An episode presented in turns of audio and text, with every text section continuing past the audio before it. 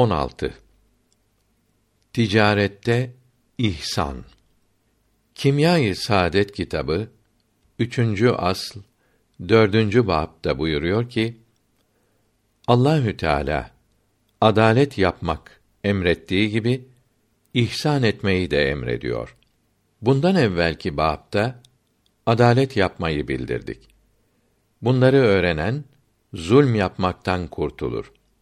Şimdi ihsan nasıl yapılacağını anlatacağız. Araf suresi 55. ayetinde mealen ihsan edenlere elbette rahmetim çok yakındır buyuruldu. Yalnız adalet yapanlar dinde sermayelerini kurtarmış olur. Ama kar ihsan edenleredir. Aklı olan ahiret kârını hiç kaçırır mı? İhsan emredilmeyen iyiliği yapmaktır. Eşbah sahibi rahmetullahi teala aleyh diyor ki: Üçüncü kaide İsar'dır. İsar muhtaç olduğu bir şeyi almayıp muhtaç olan din kardeşine bırakmaktır. İnsana lazım olan şeylerde İsar yapılır. Kurbet ve ibadetlerde İsar yapılmaz. Mesela taharetlenecek kadar suyu, setre avret edecek kadar örtüsü olan bunları kendi kullanır. Bunları muhtaç olana vermez. Birinci saftaki yerini başkasına vermez. Namaz vakti gelince abdestsiz kimsenin abdest suyunu başkasına isar etmesi caiz değildir. Ticarette ihsan altı türlü elde edilir. 1. Müşteri fazla ihtiyacı olduğu için çok para vermeye razı olsa bile çok kar istememelidir. Sırrı Sekati'nin kuddise sirruh dükkanı vardı. Yüzde beşten ziyade kar istemezdi. Bir kere altmış altınlık badem içi almıştı. Badem fiyatı ansızın yükseldi. Dellal badem satmak için geldi. 63 altına sat dedi. Dellal bugün bu kadar bademi 90 altına alıyorlar deyince ben yüzde beşten fazla kâr almamaya karar verdim. Kararımı değiştirmem buyurdu. Dellal da ben de senin malını aşağı fiyatla satamam dedi ve satmadı. O da yüksek fiyatla satmaya razı olmadı. Bademler satılamadı. İşte ihsan böyle olur. Muhammed bin Münkedir din büyüklerindendi. Mağazası vardı. Çeşitli kumaş satıyordu. Kimisinin zirağı bir zira 0,48 metredir. Beş altın, kimisinin on altın idi. Bir gün kendisi yok iken çırağı bir köylüye beş altınlık kumaşı on altına sattı. Kendi gelip haber alınca akşama kadar köylüyü arattı. Köylüyü görünce bu kumaş beş altından ziyade etmez dedi. Köylü ben bunu seve seve aldım deyince ben kendime uygun görmediğimi din kardeşime de uygun görmem. Ya satıştan vazgeç, beş altını geri al yahut da gel on altınlık kumaştan vereyim buyurdu. Köylü beş altını geri aldı. Sonra birisine bu mert kimdir diye sordu. Muhammed bin Münkedir dediler. Bu ismi duyunca Sübhanallah. Bu öyle kimsedir ki çölde susuz kalınca yağmur duasına çıkıp onun adını söylediğimiz zaman rahmet yağıyor dedi. Büyüklerimiz askerle çok iş yapar, bunu daha bereketli bulurlardı. Halife Ali radıyallahu an Küfe şehri çarşısında dolaşarak az kârı reddetmeyiniz. Çok kârdan mahrum kalırsınız buyururdu. Eshab-ı kiramın aleyhimür rıdvan büyüklerinden Abdurrahman bin Avf'a o büyük serveti nasıl kazandın dediler. Çok az kâra da razı oldum. Hiçbir müşteriyi boş çevirmedim. Hatta bir gün bin deveyi sermayesine satmıştım. Yalnız dizlerindeki ipleri kâr kalmıştı. Her ip bir dirhem gümüş değerindeydi. O gün develerin yem parasını ben vermiştim. Kazancım ise bin dirhem olmuştu buyurdu. Hamza Efendi'nin rahmetullahi teala aleyh Bey ve Şira Risalesi şerhi 25. sayfasında diyor ki: Yedincisi yüksek fiyatla satıp bir kimseyi aldatmaktan sakınmalıdır. Zira piyasada 10 liraya satılmakta olan bir malı 11 liradan yukarıya satın almak gabeni fahiş ile aldanmaktır. Yani çok aldanmaktır. Yalan söylemekle çok aldatılan bir müşteri satıştan vazgeçebilir. 2. Fakirlerin malını fazla parayla almalı, onları sevindirmelidir. Mesela dul kadınların iğirdiği ipliğine, çocukların sattığı meyvelere çok para vermelidir. Bu suretle çalışanlara yardım etmek sadaka vermekten daha sevaptır. Böyle yapanlar Resulullah'ın sallallahu aleyhi ve sellem duasına kavuşur. Çünkü alışverişte kolaylık gösterenlere Allahü Teala merhamet eylesin diye dua buyurmuştur. Fakat zenginden mal alırken aldanmak sevap değildir ve iyi değildir. Malı zayi etmektir.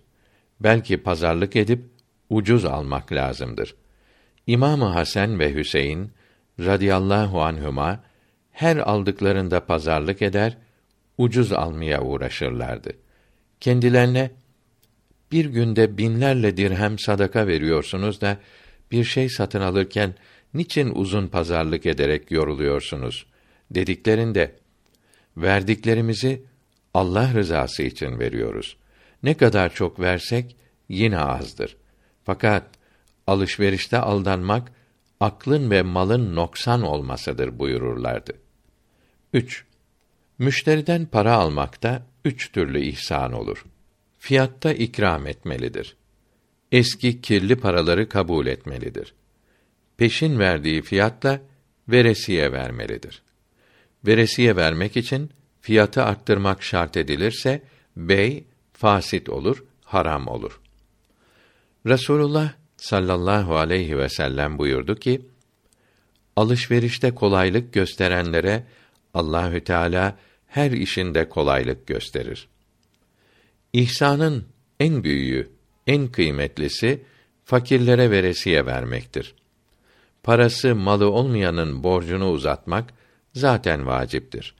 İhsan değil, adl ve vazifedir. Fakat malı olup da ziyan ile satmadıkça veya muhtaç olduğu bir şeyi satmadıkça ödeyemeyecek bir halde olanların ödemesine zaman vermek ihsandır ve büyük sadakadır. Resulullah sallallahu aleyhi ve sellem buyurdu ki: Kıyamette bir kimseyi hesaba çekerler ki çok günah işlemiş, hiç iyilik yapmamış. Sen dünyada hiç iyilik yapmadın mı derler. Hayır. Yalnız çırağıma derdim ki fakir olan borçluları sıkıştırma.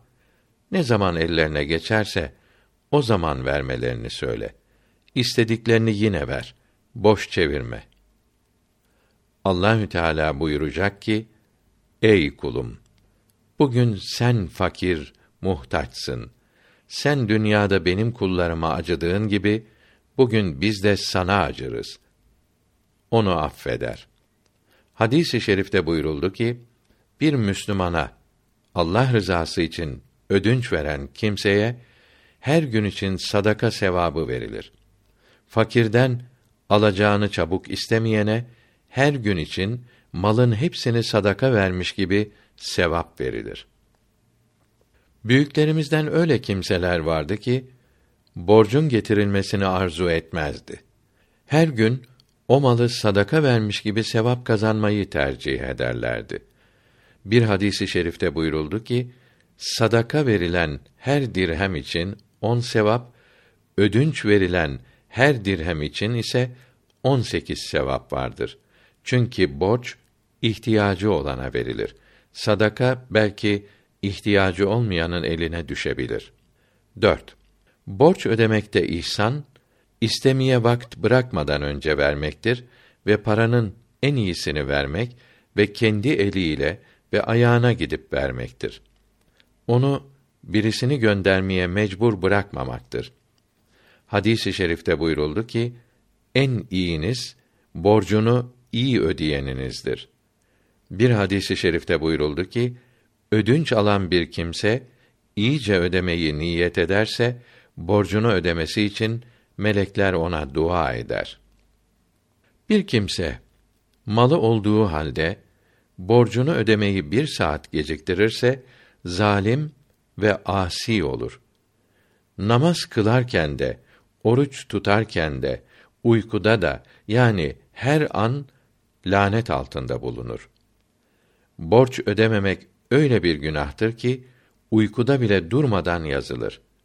Malı olmak, parası çok olmak demek değildir. Belki satılık bir şey olup da satmazsa günah işlemiş olur. Değeri düşük olan para veya işe yaramayan mal vererek öder ve bunu hak sahibi beğenmeyerek alırsa yine günah olur.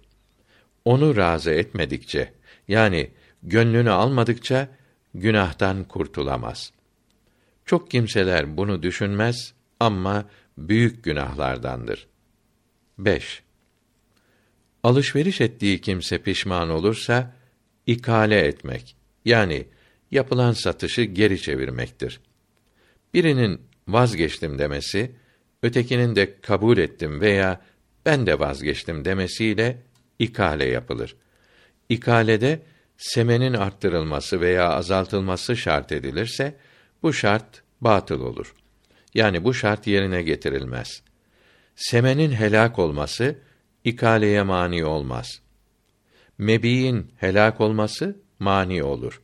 Fasit ve mekruh olan satışlarda ve gabeni fahiş ile aldatılan müşterinin istediği zamanda ikale yapmak vacip olur.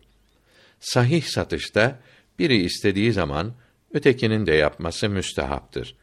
Çünkü Resulullah sallallahu aleyhi ve sellem buyurdu ki, bir kimse karşısındaki pişman olunca bey'i fesheder, geri alırsa Allahü Teala onun günahlarını affeder. Yapılan satışı geri çevirmek vacip değildir. Fakat çok sevaptır ve ihsan etmektir. 6. Fakirlere veresiye verip parası olmayandan istememeyi niyet etmektir. Borçlusu ölünce helal etmektir. Büyüklerimizden bazısının dükkanında iki defter vardı. Birisine bilinmeyen isimler yazardı ki hepsi fakir idi. Bazı borçlar karşısında isim de yazılı değildi. Böylece kendisi ölürse kimse fakirlerden bir şey isteyemezdi. Fakat böyle tüccarlar da en iyi sayılmazdı. En iyi olanlar fakirler için hiç defter tutmayanlardı. Bunlar fakir bir şey getirirse alır, getirmeyenlerden bir şey istemezlerdi. İşte din büyükleri böyle ticaret yapardı. Şüpheli bir kuruşu kabul eden dinde mertlerden sayılmazdı.